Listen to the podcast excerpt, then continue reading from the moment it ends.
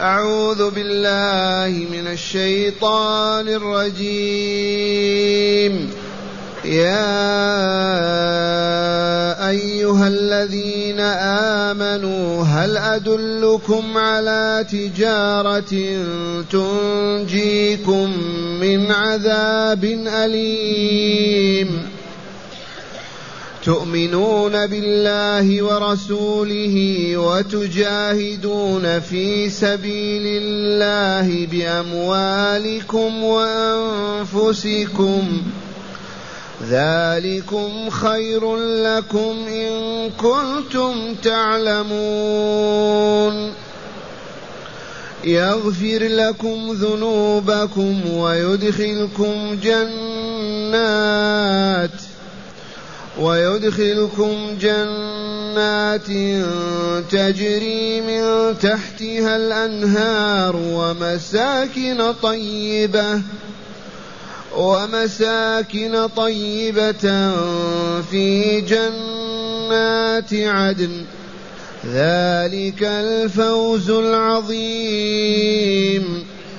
وأخرى تحبونها. نصر من الله وفتح قريب. وبشر المؤمنين. يا أيها الذين آمنوا كونوا أنصار الله. كونوا كما قال عيسى ابن مريم للحواريين من أنصاري إلى الله. قال الحواريون نحن أنصار الله. فامنت طائفه من بني إسرائيل وكفرت طائفة. فأيدنا الذين آمنوا على عدوهم فأصبحوا ظاهرين. أحسنت. معاشر المستمعين والمستمعات من المؤمنين والمؤمنات قول ربنا جل ذكره يا أيها الذين آمنوا هل أدلكم على تجارة؟ الآيات. يروى أن عثمان بن مضعون رضي الله عنه سأل الرسول صلى الله عليه وسلم أن يدله على أفضل عمل وأكمله. بعد ما قال إذا لي أطلق خولا إذا لي أترهب إذا لي أن أن أن, أن أصوم ولا أفطر وأن وأن أقوم ولا أنام. فما رضي له الرسول بذلك؟ ولما قال دلني إذن على أي عمل عظيم. فنزلت الآية. يا أيها الذين آمنوا يا عثمان بن مضعون والسامعون وكل مؤمن هل أدلكم على تجارة تنجيكم من عذاب أليم. صفقة تجارية عظيمة. صفقة تجارية لا نظير لها. رأس المال ما هو؟ تؤمنون بالله ورسوله وتجاهدون في سبيل الله بأموالكم وأنفسكم. هذا المال واسمعوا النتائج. تؤمنون بالله ورسوله وتجاهدون في سبيل الله بأموالكم وأنفسكم ذلكم خير لكم إن كنتم تعلمون. إن كنتم تعلمون ما عند الله من الخير في الدنيا والآخرة هذا هو. الجهاد بالمال والنفس. وقدم الجهاد بالمال لأنه ضروري في الواقع. المال أولا للعتاد والكفاية من الرزق والطعام ثم الجهاد. تجاهدون في سبيل الله أموالكم وأنفسكم ذلكم خير لكم كنتم تعلمون. والصفقة التجارية نتائجها أرباحها أولا يغفر لكم ذنوبكم.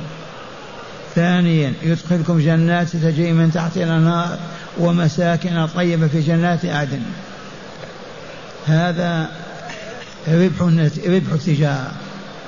هل أدلكم على تجارة على صفقة تجارية؟ المال هو النفس والمال والجهاد والجزاء الفوائد مغفرة الذنوب وإدخالكم الجنة. جنة تجري من تحتها الأنهار. ووصف الجنة قال مساكن طيبة قصور في الجنة. ذلك هو الفوز العظيم. وجنات عدن بمعنى جنات إقامة أبدية لا يرحلون منها ولا يخرجون عنها أبدا. ذلك الفوز العظيم. وأخرى أيضا من هذه الصفقة التجارية وأخرى تحبونها ما هي؟ نصر من الله وفتح قريب. ينصركم الله على أعدائكم ويفتح الفتح القريب مكة وما وراء مكة حتى فارس والروم وفتح قريب. وأخرى تحبونها قطعا ما هي؟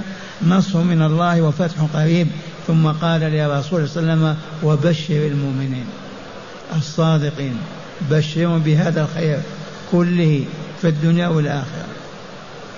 ثم نادانا مرة ثانية يا أيها الذين آمنوا كونوا أنصار الله.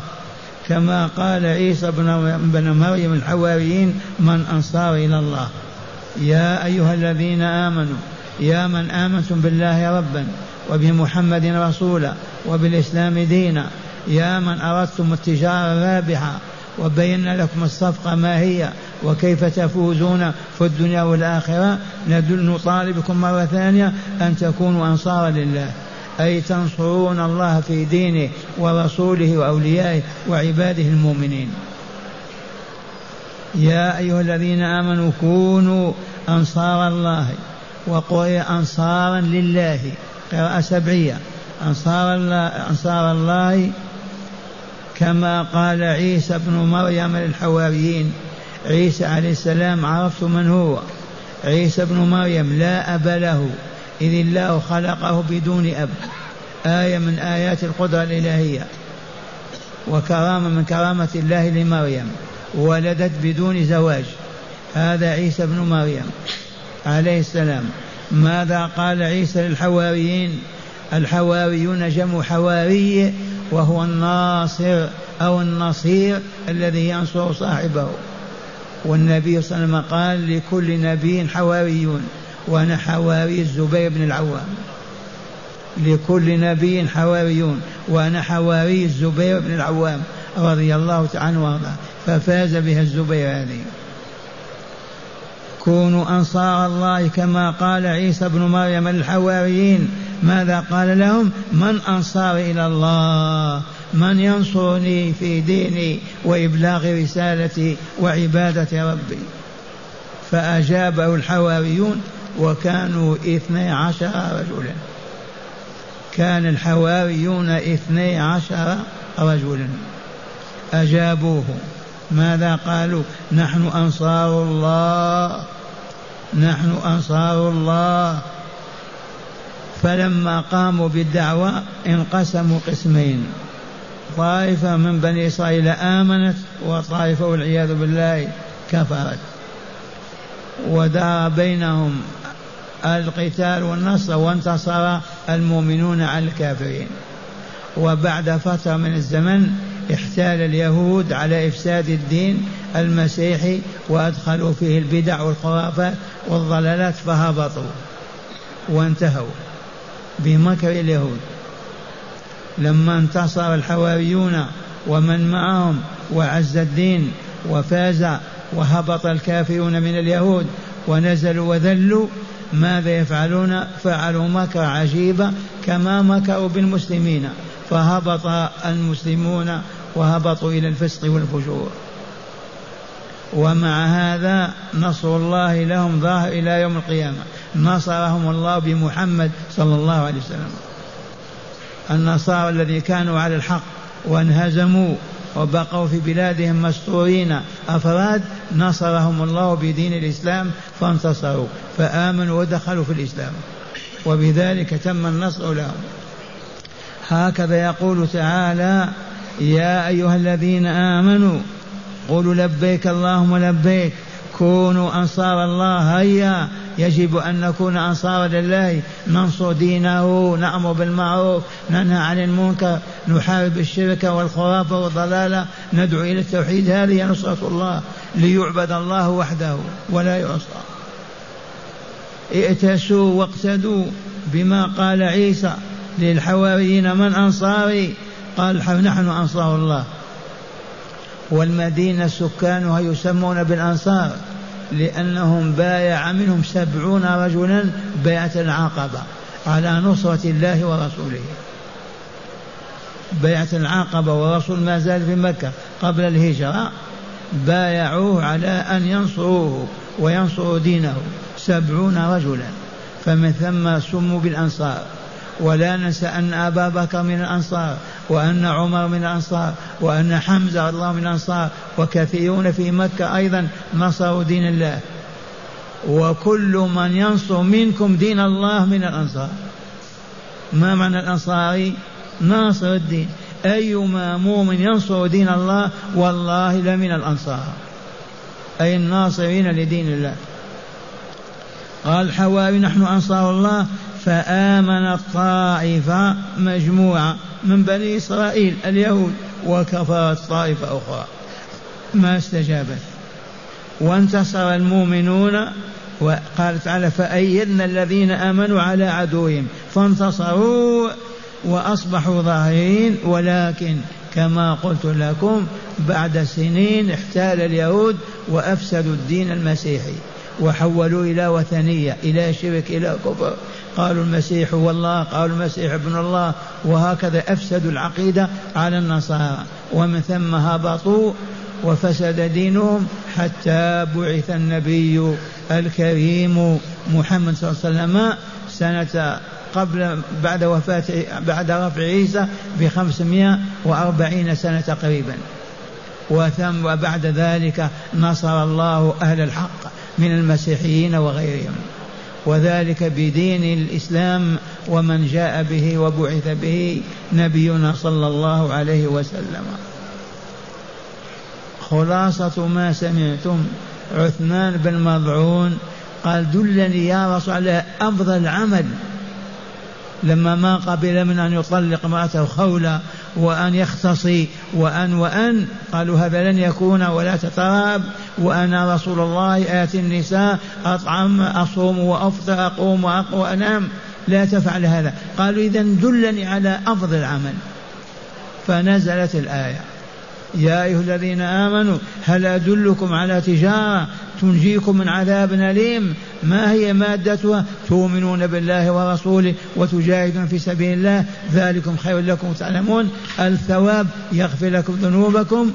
ويدخلكم جنات تجري له مساكن طيبة في جنات عدن. ذلك الفوز العظيم. وأخرى أيضا ترغبون فيها وتحبون نصر من الله لكم وفتح قريب جدا. فتح الله مكة ثم فتح فارس والروم وصدق الله العظيم. ثم الرسول صلى الله عليه وسلم يقول يقول تعالى نادهم يا أيها الذين آمنوا كونوا أنصار الله أي انصروا رسوله وعباده المؤمنين انصروا دينه وما جاء به كونوا أنصار الله كما قال عيسى بن مريم للحواريين أي لأنصاره وكانوا اثني عشر رجلا. ما قال لهم انصروني ونصروه وانتصر الإسلام ورفع عيسى الملكوت الأعلى وبقت بقيت الأمة فترة والدين سليم والأمة تعبد الله وكذب اليهود وخابوا وخسروا. بعد ذلك احتالوا وأفسدوا الدين المسيحي. وهبطت أمة المسيح. حتى جاء الإسلام وارتفعت وهم ظاهرون إلى يوم القيامة. كل من أسلم ودخل في الإسلام وعبد الله تعالى بما شرع ووحد وعبده هو من المنتصرين الفائزين. اللهم اجعلنا منهم.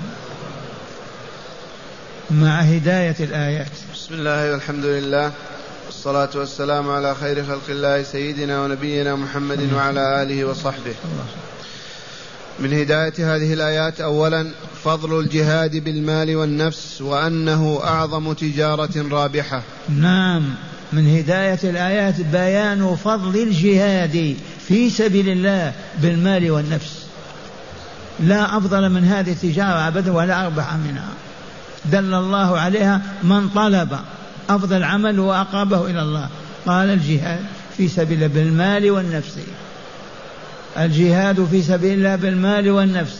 الآن الجهاد بالمال فقط النفس ما فيه. لم تقول هذا يا شيخ؟ أقول لأن أوروبا زرناها مرات. وجدنا فيها المساجد. إيطاليا في أعظم مسجد. أسبانيا كذلك. فرنسا كل البلاد مفتوحة للدين الإسلامي والناس يدخلون في الإسلام. فهم في حاجة فقط إلى مال يبنون المساجد وينشئون المدارس ويبعثون الدعاة ينصرونهم. هذا هو الجهاد.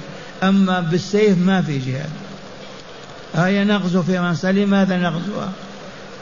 الإسلام منشور فيها. فيها ثلاثة آلاف مسجد. وهم يعبدون الله. إذا الجهاد بالمال وقد كتبت في هذه الرسالة وقدمناها للرابطة وقلنا لو تنشئون كلية في المدينة النبوية أو في مكة المكرمة لتخريج الدعاة ويوضع لهم منهج واحد. منهج واحد لا يفترقون عنه. وكلما تخرج فوج يبعثون به من أمريكا إلى اليابان دعاة. هذا يحتاج إلى المال وإلا لا؟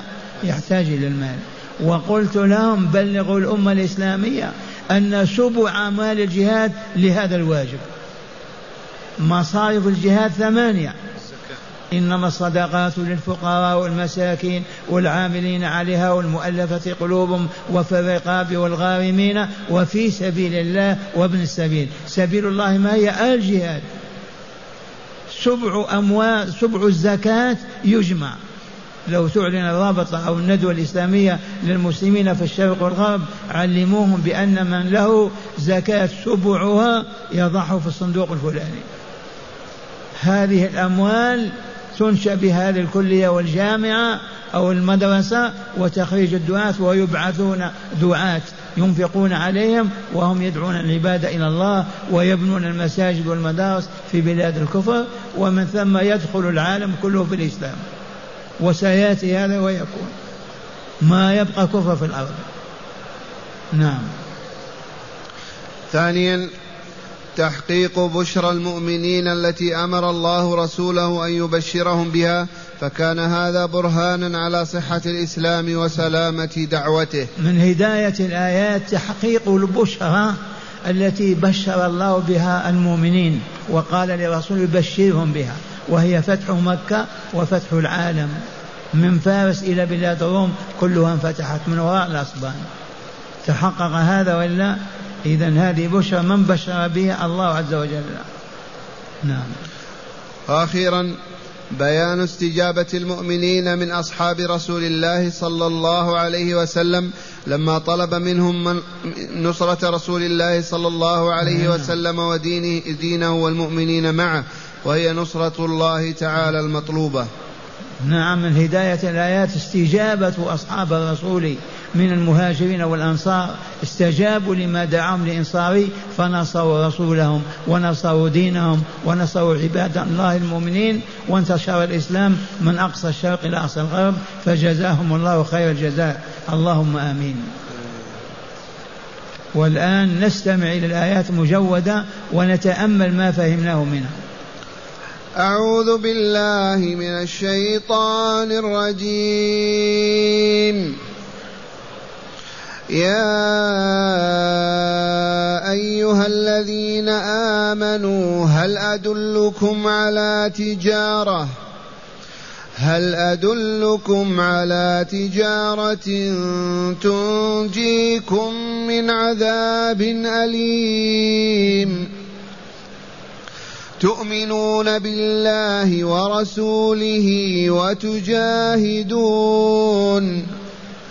وتجاهدون في سبيل الله بأموالكم وأنفسكم ذلكم خير لكم إن كنتم تعلمون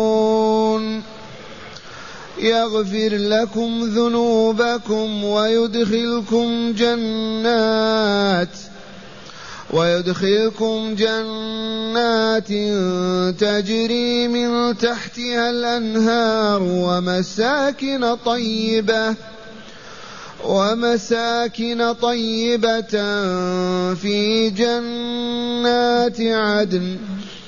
ذلك الفوز العظيم.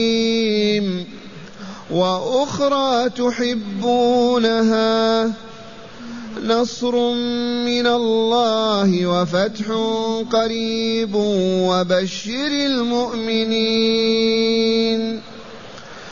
يا